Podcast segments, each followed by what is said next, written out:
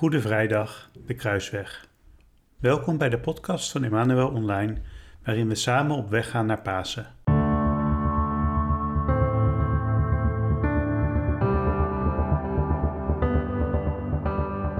Al in de vierde eeuw na Christus gingen de christenen rondom het paastriduum, de dagen voor Pasen, de plekken af waar Jezus geleiden heeft. Ze liepen als het ware de weg die Jezus met het kruis gelopen had in Jeruzalem. Vandaag mogen wij deze kruisweg, zij het niet in Jeruzalem, maar thuis in onze eigen omgeving ook overwegen. Zo kunnen we dieper stilstaan bij wat Jezus voor ons op weg naar Pasen gedaan heeft. Je kan deze podcast thuis luisteren, maar het is misschien ook wel mooi om naar buiten te gaan en het al wandelend te, te luisteren en te overwegen. Daarnaast hebben we op triduum.nl ook een speciale versie van de Kruisweg voor kinderen, die je misschien als hele gezin kan luisteren. We wensen jullie een uh, gezegende tijd. In de naam van de Vader en de Zoon en de Heilige Geest. Amen. Eerste statie. Jezus wordt ter dood veroordeeld. Wij aanbidden u,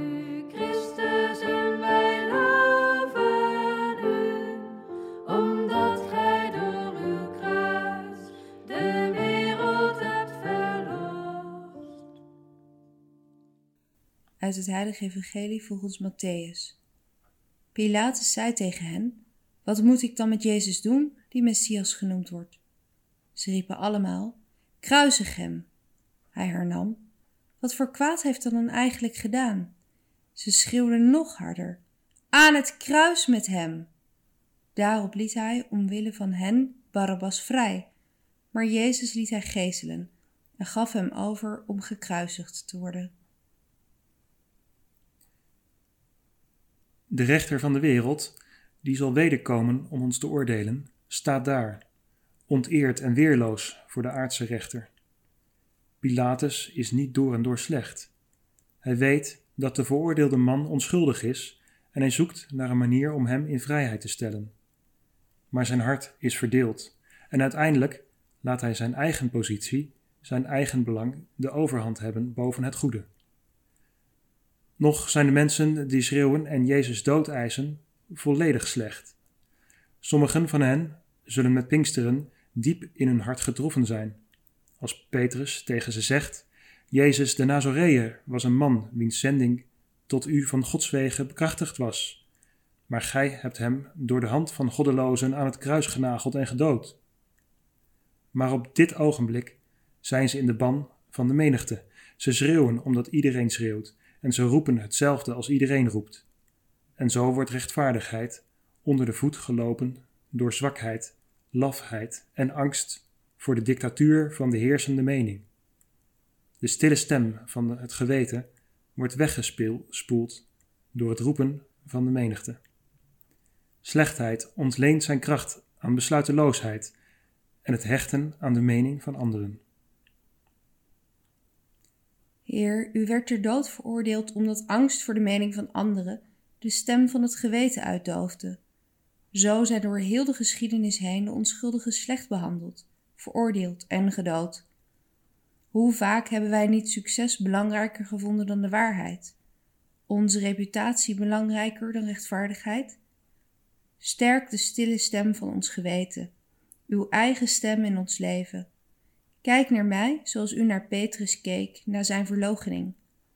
Laat uw blik ons hart doordringen en wijs ons de richting die ons leven moet gaan. Op de dag van Pinksteren bewoog u de harten van diegenen die op Goede Vrijdag schreeuwden om uw dood en bracht u ze tot bekering. Zo geeft u hoop aan allen. Geef ons altijd weer de genade van bekering. Ontferm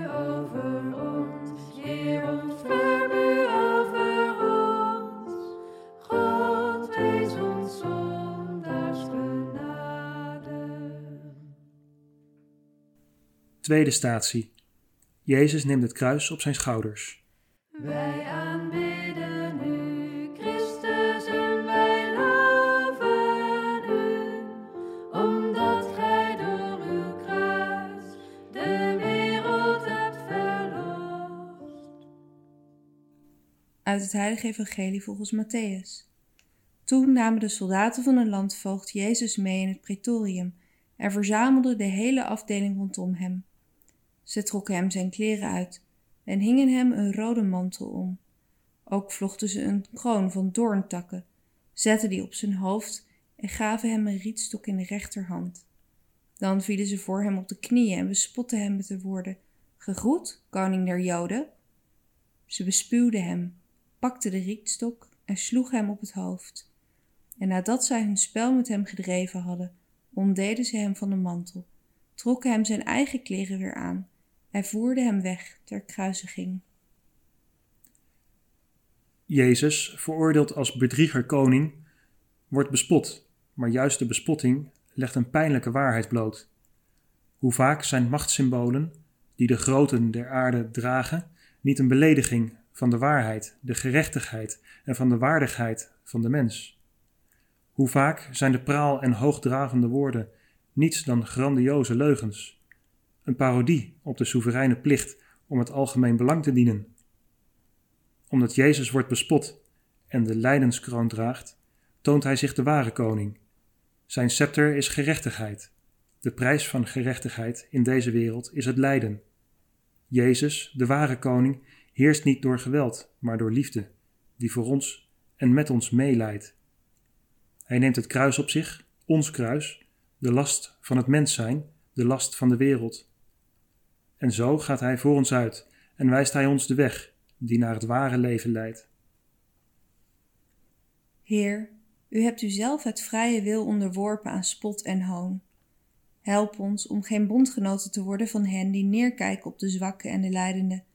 Help ons om uw gelaat te zien in de nederige en de verworpenen.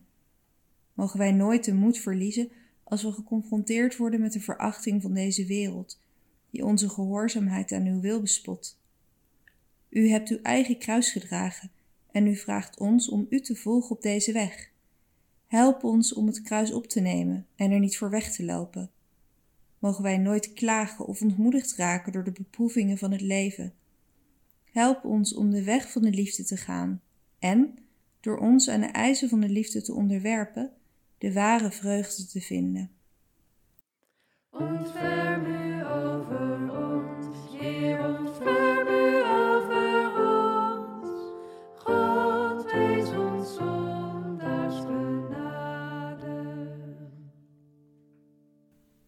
Derde statie. Jezus valt voor de eerste maal onder het kruis.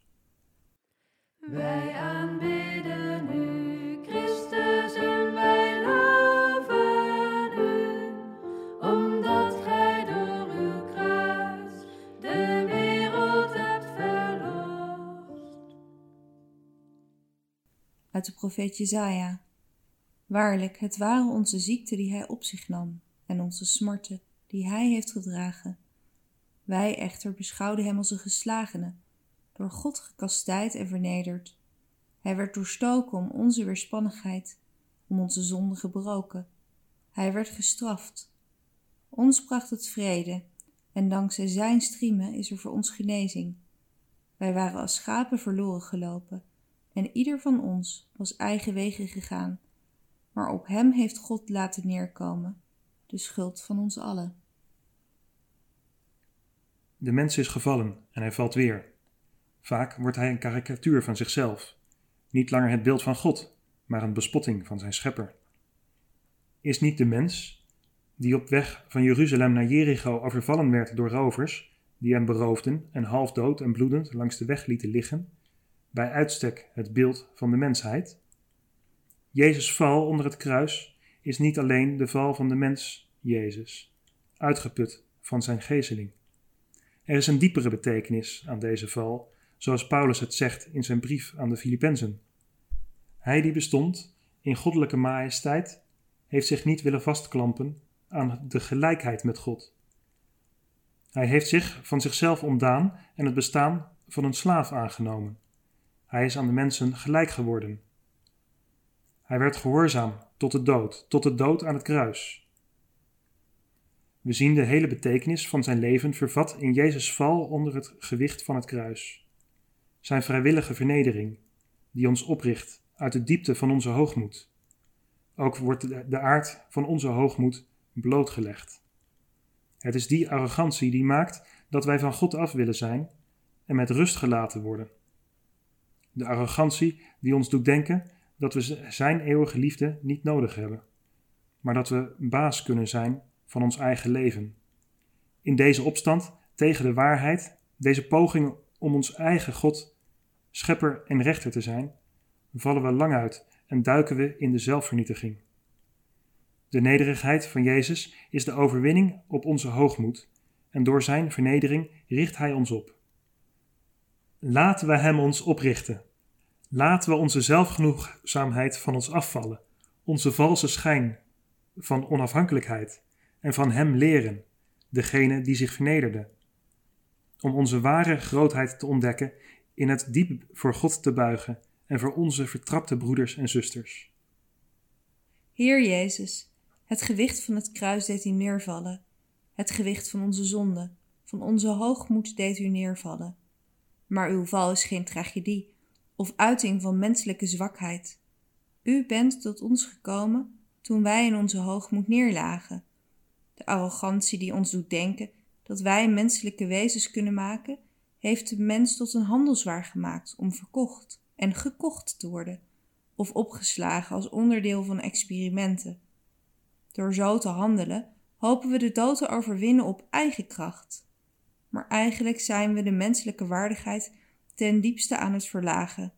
Heer, help ons, wij zijn gevallen. Help ons om onze destructieve hoogmoed los te laten en door uw nederigheid opnieuw te leren opstaan. Ontferm u over ons, Heer, ontferm u over ons. God, wees ons zondaars genade. Vierde statie. Jezus ontmoet zijn bedroefde moeder. Wij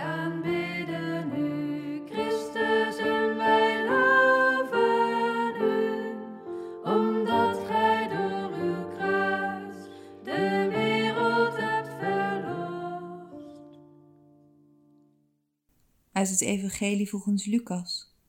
Daarop sprak Simeon over hen een zegen uit en hij zei tot Maria zijn moeder: Zie, dit kind is bestemd tot val of opstanding van velen in Israël, tot een teken dat er gesproken wordt, dat de gezindheid van vele harten openbaar mogen worden, en uw eigen ziel zal door een zwaard worden doorboord. Zijn moeder bewaarde alles wat er gebeurd was in haar hart. Op Jezus kruisweg vinden we ook Maria zijn moeder. Tijdens zijn openbaar leven moest zij een stap opzij doen om plaats te maken voor de geboorte van Jezus' nieuwe familie, de familie die zijn leerlingen vormden. Ze moest ook de woorden horen: Wie is mijn moeder en wie zijn mijn broeders? Mijn broeder, mijn zuster en mijn moeder zijn zij die de wil volbrengen van mijn Vader in de hemel. Nu zien we haar als de moeder van Jezus, niet alleen in lichamelijk opzicht, maar ook in haar hart. Voordat Maria Jezus in haar lichaam ontving, ontving ze hem door haar gehoorzaamheid in haar hart. Tot Maria was gezegd: Zie, gij zult zwanger worden en een zoon ter wereld brengen. Hij zal groot zijn en zoon van de Allerhoogste genoemd worden. God de Heer zal hem de troon van zijn vader David schenken. Uit de mond van de oude Simeon zou zij horen: Een zwaard zal uw ziel doorboren. Ze zou zich de woorden van de profeten herinneren, zoals: Hij werd gefolterd en diep vernederd, maar heeft zijn mond niet geopend, zoals een lam dat ter slachting geleid wordt. Nu vindt dit alles plaats. In haar hart had zij de woorden van de engel bewaard, die tot haar bij het begin waren gezegd. Wees niet bevreesd, Maria. De leerlingen vluchtten, zij echter vluchtte niet. Zij bleef daar met de moed van een moeder, de trouw van een moeder, de goedheid van de moeder en een geloof dat niet verflauwde in het uur van duisternis. Gezegend zij die geloofd heeft. Zal de mensen zo'n geloof vinden op aarde wanneer hij wederkomt? Ja, in dit ogenblik weet Jezus dat hij inderdaad geloof zal vinden. In dit uur is dit zijn grote troost. Heilige Maria, Moeder van de Heer, u bleef trouw toen de leerlingen op de vlucht sloegen. Zoals u geloofde in de ongelooflijke boodschap van de engel, dat u de moeder van de Allerhoogste zou worden, zo blijf u geloven in het uur van zijn grootste vernedering. Zo bent u in het uur van het kruis, in het uur van 's werelds donkerste nacht, moeder geworden van alle gelovigen, moeder van de kerk. Wij smeken u, leer ons geloven en geef dat ons geloof vrucht mag dragen in moedige dienstbaarheid en een teken van liefde zijn, dat altijd weer bereid is om mee te lijden en te hulp te schieten. Ontferm u over ons, Heer, ontferm u over ons. God, wees ons zondaars genade. Vijfde statie. Simon van Cyrene helpt Jezus het kruis dragen. Wij aanbidden u, Christus, en wij loven u, omdat gij door uw kruis de wereld hebt verlost. Uit het heilige evangelie volgens Matthäus. Toen ze de stad uitgingen, ontmoetten ze een Cyreneër, Simon genaamd, en vorderden hem tot het dagen van Jezus kruis. Jezus zei tegen zijn leerlingen, wie mijn volgeling wil zijn, moet mij volgen door zichzelf te verloochenen en zijn kruis op te nemen. Simon van Cyrene is na zijn werk op weg naar huis als hij de treurige processie ontmoet van de veroordeelden. Misschien is het voor hem een bekend gezicht. De soldaten dwingen deze ruwe man, die van het platteland komt, om het kruis op zijn eigen schouders te nemen. Wat moet hij het irritant hebben gevonden om plotseling betrokken te worden bij het lot van deze veroordeelde mannen? Hij doet wat hem opgedragen wordt, maar met tegenzin. Het is opmerkelijk dat de evangelist Marcus niet alleen zijn naam noemt, maar ook de namen van zijn kinderen, die blijkbaar bekend stonden als christenen en leden van die gemeenschap. Uit deze toevallige ontmoeting wordt geloof geboren. De Cyreneër, die naast Jezus loopt en deelt in de last van het kruis, komt tot inzicht dat het een genade was om hem naar zijn kruisiging te begeleiden en hem te helpen. Het mysterie van Jezus, zwijgend en lijdend, heeft zijn hart geraakt. Jezus, wiens goddelijke liefde alleen al heel de mensheid kan redden, wil dat wij in zijn kruis delen, zodat we aanvullen wat nog aan zijn lijden ontbreekt. Iedere keer dat wij de lijdenden, vervolgden en weerlozen vriendelijkheid betonen en delen in hun lijden, helpen we datzelfde kruis van Jezus dragen. Zo verkrijgen wij heil en dragen we bij aan de verlossing van de wereld. Heer, u opende de ogen en het hart van Simon van Cyrene, en u gaf hem door zijn deelname aan uw kruis de genade van geloof. Help ons om onze naasten in nood te helpen, ook dan wanneer het onze plannen en verlangens doorkruist. Help ons te beseffen dat het een genade is om te delen in het kruis van anderen en te weten dat we zo met u optrekken. Help ons om met vreugde te waarderen dat als wij delen in uw lijden en het lijden in de wereld, wij dienstbaar worden aan de verlossing en uw lichaam en de kerk helpen opbouwen. Ontferm u over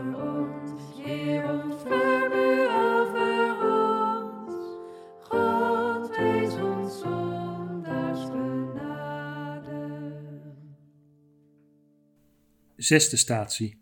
Veronica droogt het aanschijn van Jezus af. Wij aanbidden u, Christus, en wij loven u, omdat gij door uw kruis de wereld hebt verlost. Uit profeet Jezaja. Zijn uiterlijk noch schoonheid waren het bekijken waard. Hij was geen verschijning die bewondering wekt. Geminacht en gemeden werd hij door de mensen. Man van smarten, met ziekte vertrouwd, een mens die zijn gezicht voor ons verbergt, geminacht en niet de moeite waard beschouwd. Uit het boek Psalmen. Gij zegt, en mijn hart spreekt het na, zoekt mijn aanschijn. Uw aanschijn, Heer, wil ik zoeken. Wend uw aangezicht niet van mij af. Wijs uw knecht niet toornig terug. Gij die immer mijn hulp zijt geweest, wil mij niet verwerpen en verlaten, o God, mijn bevrijding. Uw aanschijn, Heer, wil ik zoeken. wend uw aangezicht niet van mij af. Veronica, Bernice, volgens de Griekse traditie, vertegenwoordigt het universele verlangen van vrome mannen en vrouwen uit het Oude Testament. Het verlangen van alle gelovigen om het gelaat van God te aanschouwen. Op Jezus kruisweg, echter, deed ze in eerste instantie niets meer dan een daad van vrouwelijke vriendelijkheid. Ze hield Jezus een doek voor zijn gezicht voor. Ze liet zich niet hinderen door de gewelddadigheid van de soldaten, noch door de angst die de leerlingen in de greep had. Zij is het beeld van die goede vrouw die midden in verwarring en ontreddering de moed vertoont van een goedheid die haar hart niet de kans geeft om van slag te raken. Zalig de zuiveren van hart, zei de Heer op de berg van de zaligsprekingen, want zij zullen God zien. Eerst zag Veronica alleen een gezwollen en van pijn vervuld gezicht. Maar haar daad van geloof drukte het ware beeld van Jezus af in haar hart. Op zijn gelaat, bloedig en bont en blauw, zag zij het ware gelaat van God en zijn goedheid, die bij ons is, zelfs in ons allerdiepste verdriet. We kunnen Jezus alleen zien met het hart. Alleen de liefde zuivert ons en geeft ons het vermogen om te kunnen zien. Alleen de liefde stelt ons in staat om God te herkennen, die de liefde zelf is. Heer, schenk ons onrustige harten, harten die uw aanschijn zoeken. Weerhoud ons van de blindheid van hart, die alleen de oppervlakte ziet. Geef ons eenvoud en zuiverheid, die ons in staat stelt uw aanwezigheid in de wereld te herkennen. Als we geen grote daden kunnen doen, geef ons dan die moed die voortkomt uit nederigheid en goedheid. Druk uw aangezicht diep in ons hart. Mogen wij u op onze weg ontmoeten en uw beeld aan de wereld tonen. Ontferm u over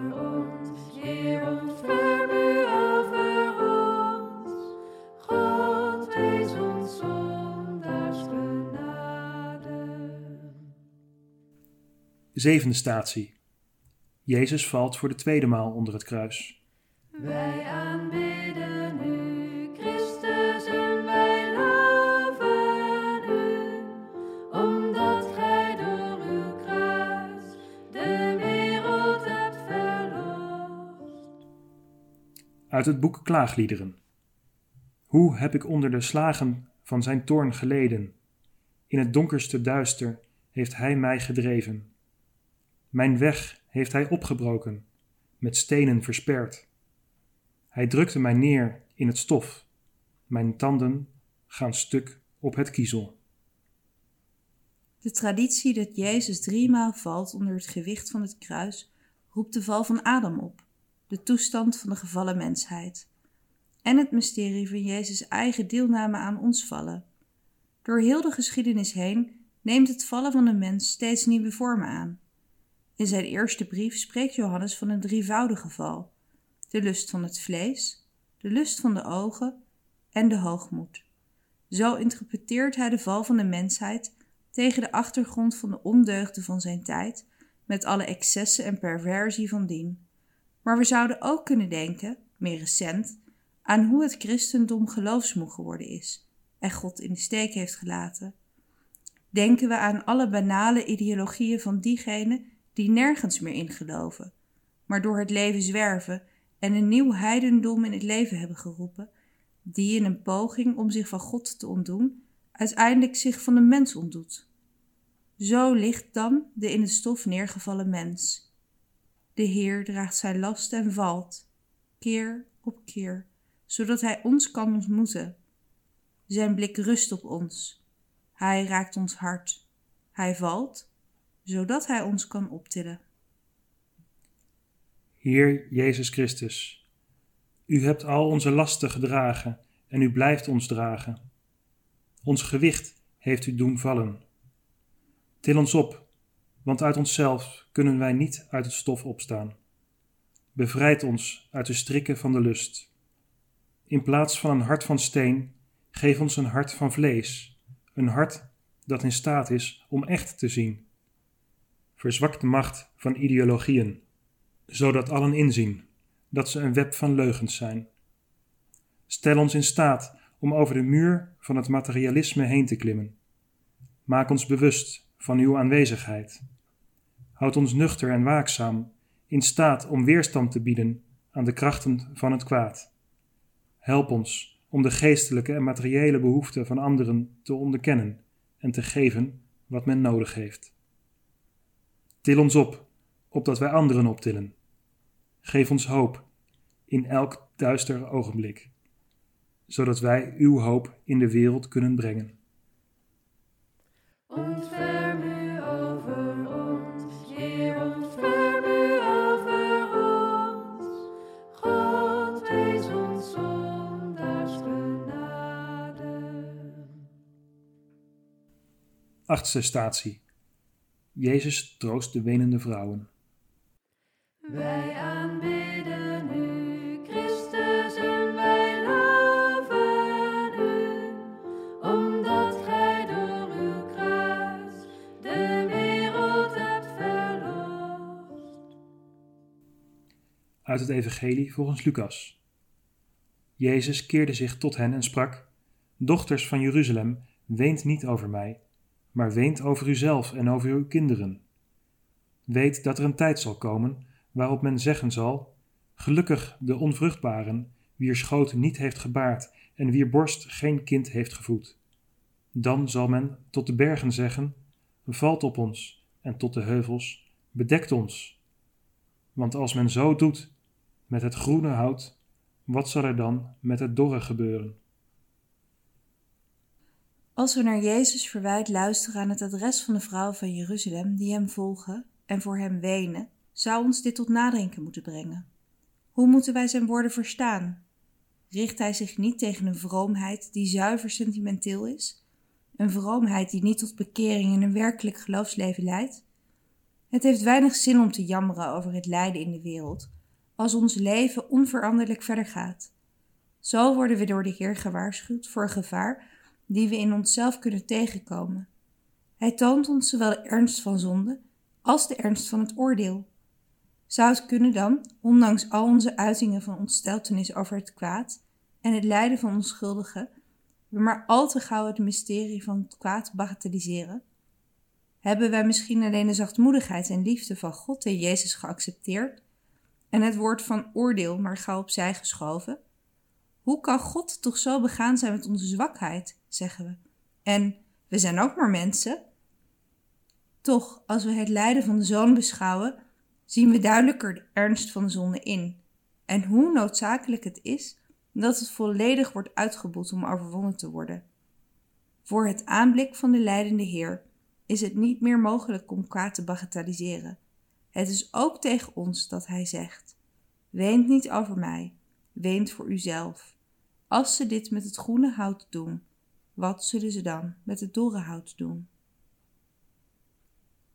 Heer, tegen de wenende vrouwen sprak u over berouw en de dag des oordeels. Wanneer wij allen voor uw aanschijn staan, voor u, de rechter van de wereld. U vraagt ons het onbeduidend maken van kwaad achterwege te laten, omdat dit ons geweten sust en ons doet voortgaan zoals voorheen. U toont ons de ernst van onze verantwoordelijkheid, het gevaar van schuldig bevonden worden zonder uitvlucht of excuus op de dag van het oordeel.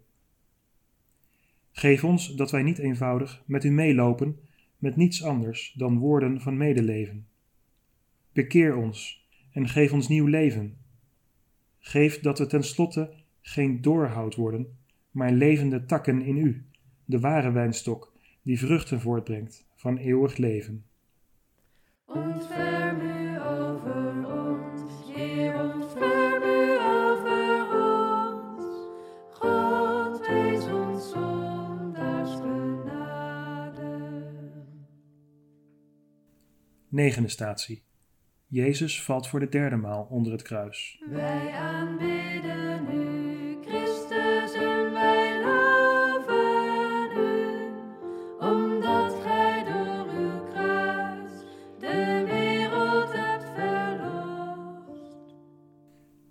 Uit het boek Klaagliederen.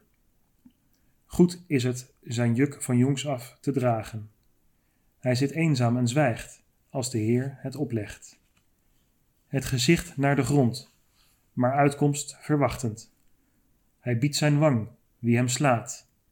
Hij laat zich honen, want hij weet dat de Heer niet voor altijd verstoot, dat hij droefheid geeft, maar ook genadig zich weer ontfermt. Wat kan de derde val van Jezus onder het kruis ons zeggen? We hebben de val van de mensen in het algemeen overwogen en het vallen van vele christenen weg van Christus in een goddeloze secularisatie. Moeten we niet ook denken aan hoezeer Jezus lijdt binnen zijn eigen kerk? Hoe vaak wordt het heilige sacrament van zijn tegenwoordigheid wel niet misbruikt? Hoe vaak moet hij wel niet in lege en boosaardige harten binnenkomen? Hoe vaak vieren we wel niet alleen onszelf, zonder ook maar te beseffen dat hij er is? Hoe vaak worden zijn woorden niet verdraaid en misbruikt? Hoe weinig geloof steekt er achter zoveel theorieën en holle woorden? Hoeveel vuil is er wel niet binnen de kerk en zelfs onder diegenen die in het priesterschap hem volledig zouden moeten toebehoren? Zoveel hoogmoed, zoveel zelfgenoegzaamheid. Wat een gebrek aan eerbied vertonen we tegenover het sacrament van verzoening, waar hij op ons wacht, klaar om ons op te tillen, telkens als wij gevallen zijn. Dit alles is aanwezig in zijn passie. Zijn verloochening door de leerlingen, hun onwaardig ontvangen van zijn lichaam en bloed, is ongetwijfeld wel het grootste lijden dat de Verlosser onderging. Het was een messteek in zijn hart. We kunnen slechts naar hem roepen, vanuit het diepst van onze harten. Kyrie eleison, Heer, red ons. Heer, uw kerk lijkt vaak een schip dat op zinken staat een boot die aan alle kanten vol loopt met water. In uw velden zien we meer onkruid dan tarwe. Het bevelde kleed en aangezicht van uw kerk brengt ons in de war. Maar toch zijn wij het zelf die de bevuiling veroorzaakt hebben. Wij zijn het die u keer op keer verraden, ondanks onze hoogdravende woorden en grootse gebaren. We hebben erbarmen voor uw kerk, ook binnen uw kerk valt Adam telkens weer. En als wij vallen, nemen we u mee in onze val en Satan lacht, want hij hoopt dat u niet overeind zult kunnen komen.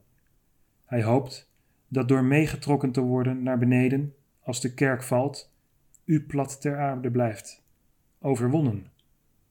Maar u staat weer op, u stond op, u verrees, en u kunt ook ons doen opstaan. Red en heilig uw kerk red en heilig ons allen.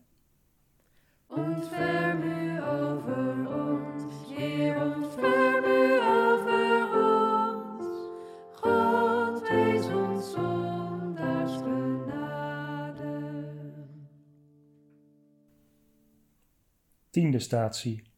Jezus wordt van zijn kleren beroofd. Wij aanbidden u, Christus, en wij loven u, omdat gij door uw kruis de wereld hebt verlost. Uit het Evangelie volgens Matthäus. Gekomen op een plaats die Golgotha genoemd wordt, dat wil zeggen schedelplaats, gaven ze hem met alsem gemengde wijn te drinken. Hij proefde ervan, maar wilde niet drinken. Nadat ze hem gekruisigd hadden, verdeelden ze zijn kleren onder elkaar door er om te dobbelen. En daar neergezeten, bleven ze de wacht bij hem houden. Jezus wordt van zijn kleren beroofd. Kleding geeft de mens zijn maatschappelijke status. Het geeft hem zijn plaats in de maatschappij. Dit openbaar ontkleden wil zeggen dat Jezus er niets meer is. Hij is slechts een verstotene, door alle veracht. Het moment van de ontkleding herinnert ons aan de verdrijving uit het paradijs. Gods heerlijkheid is van de mens afgevallen, die nu, naakt en onthuld, verschijnt, ontkleed en beschaamd. Zo neemt Jezus wederom de toestand aan van de gevallen mens. Van zijn kleren beroofd herinnert hij ons eraan dat wij allen ons eerste kleed verloren hebben. Te weten, Gods heerlijkheid. Aan de voet van het kruis dobbelen de soldaten om zijn armzalige bezittingen te verdelen, zijn kleren. De evangelist beschrijft de gebeurtenis met woorden ontleend aan Psalm 22. Zo vertellen ze ons hetzelfde als Jezus zijn leerlingen zal vertellen op de weg naar Emmaus. Dat alles gebeurt volgens Gods heilige raad besluit en vervat ligt in het woord van God. De Heer doorloopt alle stadia en stappen van een in ongenade gevallen mens. Elk van deze stappen, in al hun bitterheid, worden echter stappen naar onze verlossing. Op deze wijze draagt hij het verloren schaap naar huis. Vergeten we niet wat Johannes zegt, dat bij het delen van Jezus onderkleed deze zonder naad was, aan één stuk geweven. Dit mogen we beschouwen als een verwijzing naar het kleed van de hoge priester, die geweven was uit een draad, zonder naad. Want hij, de gekruisigde, is de ware hoge priester. Heer Jezus, u werd van uw kleren beroofd, uw schaamte blootgesteld, verworpen uit de maatschappij. U heeft de schaamte van Adam op u genomen en deze genezen. U neemt ook op u het lijden en de noden van de armen, verworpenen van onze wereld. Zo geeft u zin, waar schijnbaar zinloosheid heerst. En op deze wijze volbrengt u de woorden van de profeten. Zo gaan wij begrijpen dat uw Vader u draagt, ons draagt en de hele wereld draagt in zijn handen. Geef ons een diepe eerbied voor de mens in elke fase van zijn bestaan en in alle omstandigheden waarin we hem ontmoeten. Bekleed ons met het licht van uw genade.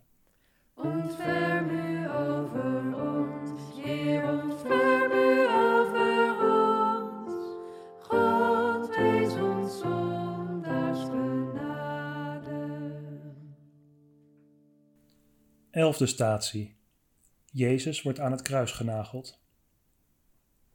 Wij aanbidden u, Christus, en wij loven u, omdat gij door uw kruis de wereld hebt verlost.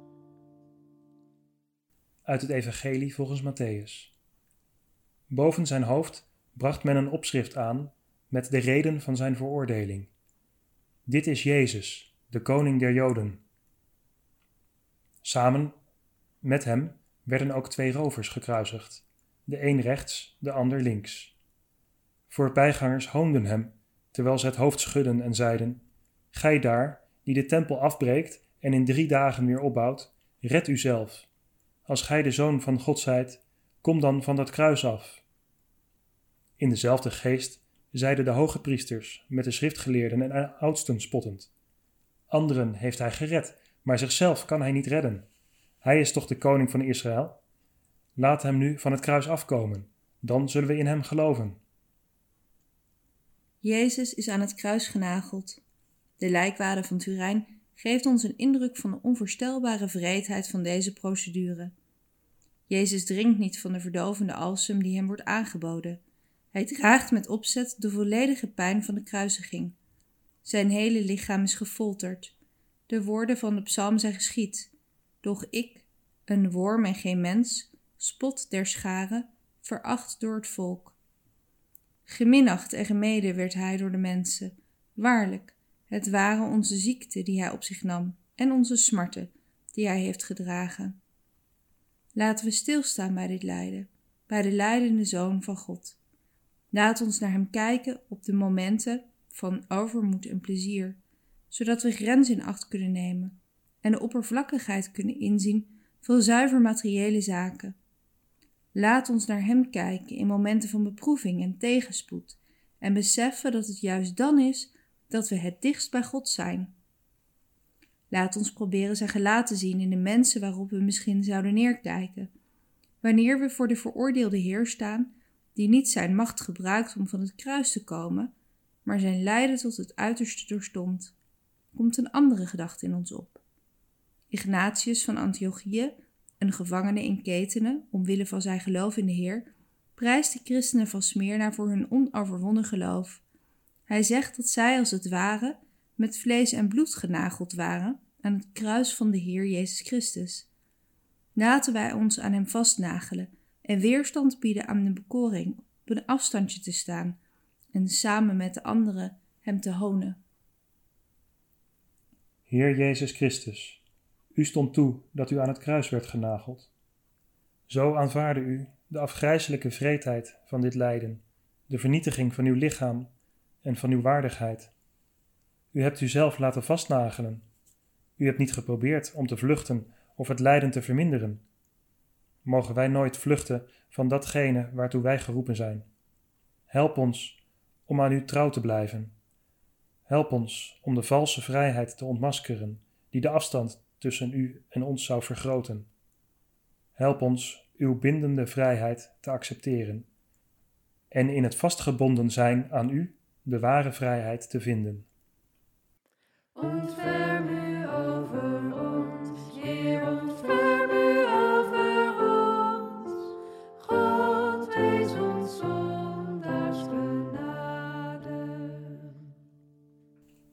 Twaalfde statie. Jezus sterft aan het kruis. Wij aanbidden u, Christus, en wij loven u, omdat gij door uw kruis de wereld hebt verlost. Uit het Evangelie volgens Johannes. Pilatus had ook een opschrift laten maken en op het kruis doen aanbrengen. Het luidde: Jezus de Nazoreër, de koning van de Joden. Vele Joden lazen dit opschrift, want de plaats waar Jezus gekruisigd werd lag dicht bij de stad. Het stond er in het Hebreeuws, het Latijn en het Grieks. Uit het Evangelie volgens Matthäus. Vanaf het zesde uur viel er een duisternis over het hele land, tot aan het negende uur toe. Omstreeks het negende uur riep Jezus met luider stem uit: Eli, Eli, lema sabachthani. Dat wil zeggen: Mijn God, mijn God, waarom hebt gij mij verlaten? Enkelen uit de omstanders die dit hoorden, zeiden: Hij roept om Elia. Onmiddellijk daarop ging een van hen een spons halen, drenkte die in zure wijn, stak ze op een rietstok en bood hem te drinken. Maar de anderen zeiden: Laat dat. Wij willen wel eens zien of Elia hem komt redden. Jezus slaakte andermaal een luide kreet en gaf de geest. De honderd man en die met hem bij Jezus de wacht hielden, waren bij het zien van de aardbeving en wat verder gebeurde door een grote vrees bevangen, en ze zeiden: Waarlijk, hij was een zoon van God. In het Grieks en Latijn, de twee internationale talen van die tijd, en in het Hebreeuws, de taal van het uitverkoren volk, stond een opschrift boven het kruis van Jezus dat aangaf wie hij was: de koning van de Joden, de beloofde zoon van David. Pilatus, onrechtvaardige rechter, werd ondanks zichzelf profeet. Het koningschap van Jezus werd tegenover de hele wereld afgekondigd. Jezus zelf had de titel Messias niet geaccepteerd, omdat het de suggestie van menselijke macht en bevrijding wekte. Nu echter kan deze titel openlijk afgekondigd worden boven de gekruisigde Christus. Hij is inderdaad de koning van de wereld. Nu is hij waarlijk omhoog geheven. Door in de diepte af te dalen, werd hij omhoog geheven. En nu heeft hij op radicale wijze het gebod van de liefde vervuld. Hij heeft het offer van zichzelf volbracht. En op deze wijze is hij nu de openbaring van de ware God, de God die liefde is. En nu weten we wie God is. Nu weten we wat ware koningschap is. Jezus bidt Psalm 22. Dat begint met de woorden: Mijn God, mijn God, waarom hebt ge mij verlaten? Hij trekt naar zich toe het hele lijdende volk van Israël, heel de lijdende mensheid, het drama van Gods duisternis. En hij maakt God tegenwoordig juist op die plaats waar hij definitief overwonnen en verdwenen lijkt te zijn. Het kruis van Jezus is een kosmische gebeurtenis. De wereld is verduisterd als de Zoon van God sterft. De aarde beeft. En op het kruis wordt de kerk van de heidenen, de niet-Joden, geboren. De Romeinse honderdman begrijpt het. Hij erkent Jezus als Zoon van God. Vanaf het kruis overwint hij, telkens weer. Heer Jezus Christus, op het uur van uw dood werd de zon verduisterd. Telkens opnieuw wordt u aan het kruis genageld. In dit uur van onze geschiedenis leven we in Gods duisternis. Door uw grote lijden en de vreedheid van de mens wordt het aangezicht van God, uw aangezicht, verduisterd en onherkenbaar. En toch op het kruis openbaarde u zich. Juist omdat u degene bent die bemint en leidt, wordt u verheven. Hoog op het kruis hebt u overwonnen. Help ons om uw aanschijn te herkennen in dit uur van duisternis en beproeving. Help ons om in u te geloven en om u te volgen in uw uur van duisternis en nood. Toon uzelf nogmaals aan de wereld in dit uur. Openbaar ons uw redding. Ontferm u over ons, Heer, ontferm u over ons. God, wees ons zondaars genade. Dertiende statie. Jezus wordt van het kruis genomen en aan zijn moeder gegeven. Wij aanbidden u, Christus, en wij loven u, omdat gij door uw kruis de wereld hebt verlost.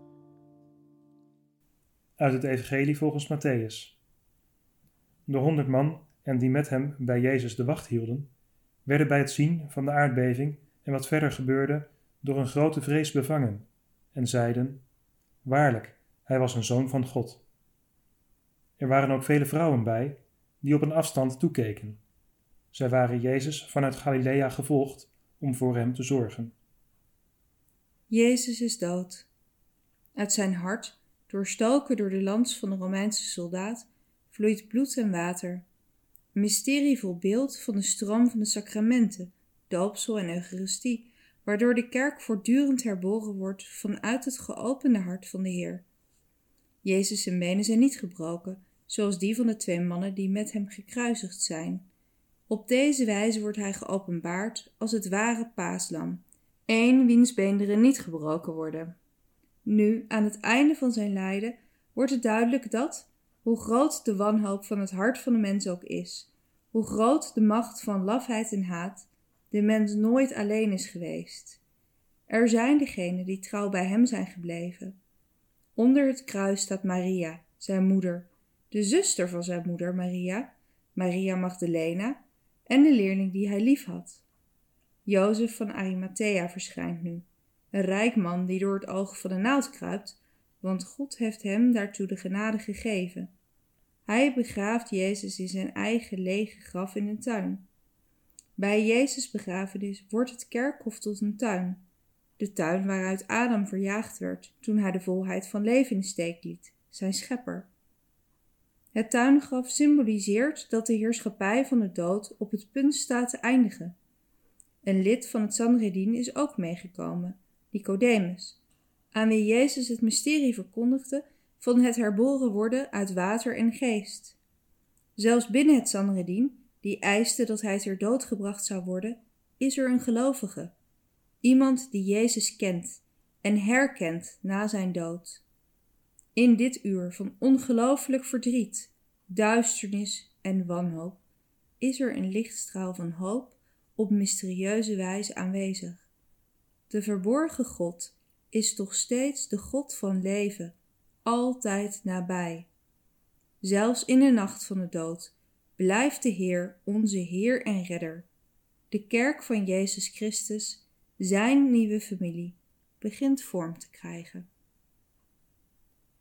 Heer, u daalde neer in het duister van de dood, maar uw lichaam wordt aan goede handen toevertrouwd en gehuld in een witte lijkwade. Het geloof is niet volkomen dood, de zon is niet volledig ondergegaan. Hoe vaak lijkt het niet als u verslaapt? Hoe gemakkelijk is het niet voor ons om een pas terug te zetten en te zeggen: God is dood. Laat ons in het uur van duisternis weten dat u er nog bent. Verlaat ons niet als we bekoord worden om de moed op te geven. Help ons om u niet alleen te laten. Geef ons de trouw om die momenten van verwarring te weerstaan. En geef ons de liefde om u te omhelzen in uw volkomen hulpeloosheid. Zoals uw moeder doet als zij u nog eenmaal aan haar hart drukt. Help ons, armen en rijken, eenvoudigen en wijzen, om voorbij onze angsten en vooroordelen te zien en aan u onze vaardigheden aan te bieden, onze harten en onze tijd, om zo de tuin van uw verrijzenis voor te bereiden.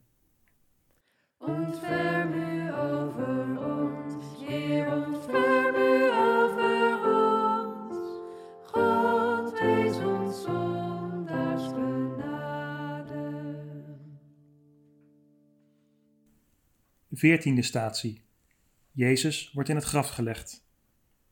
Wij aanbidden u, Christus, en wij loven u, omdat gij door uw kruis de wereld hebt verlost. Uit het Evangelie volgens Matthäus. Jozef nam het lichaam, wikkelde het in een smetteloze lijkwade en legde het in zijn graf, dat hij pas in de rots had laten uithouwen. Nadat hij een grote steen voor de ingang van het graf gerold had, ging hij heen. Maria Magdalena en de andere Maria waren erbij en zaten tegenover het graf. Jezus, te schande gebracht en mishandeld, wordt eerbaar begraven in een nieuw graf. Nicodemus brengt een mengsel van mirre en aloë, ongeveer 100 pond, dat een kostbare geur verspreidt. In de zelfgave van de zoon, bij zijn balseming te Betanië, zien we een overvloed, dat het beeld oproept van Gods edelmoedige en overvloedige liefde. God geeft zichzelf zonder maat.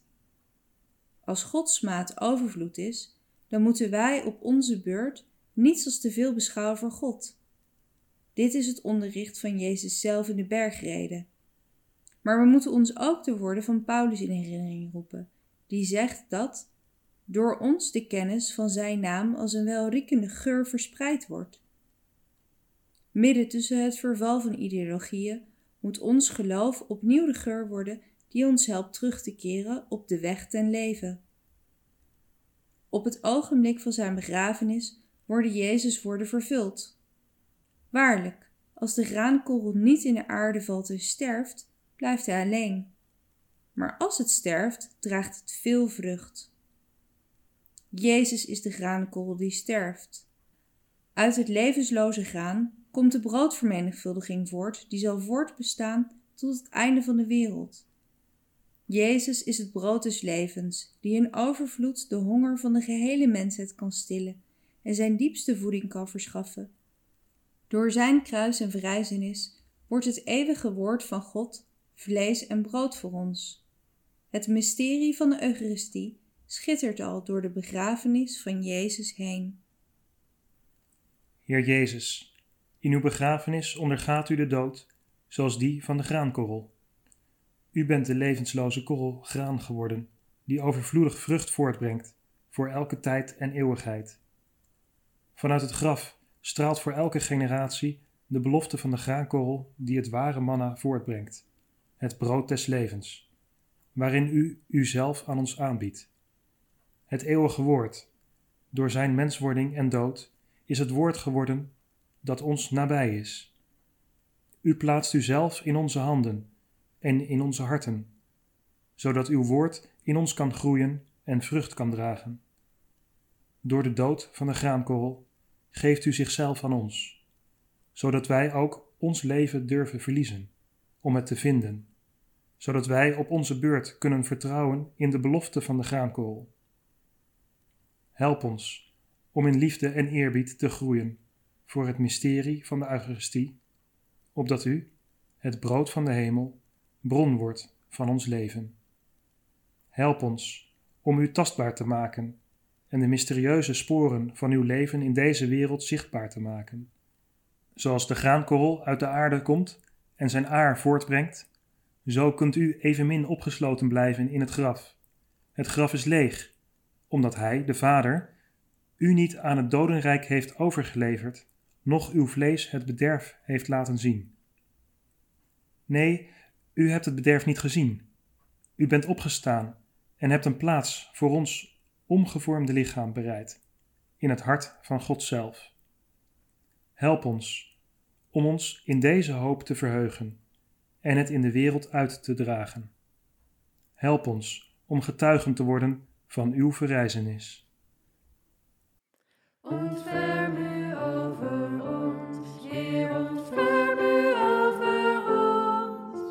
God wees ons zondaars genade.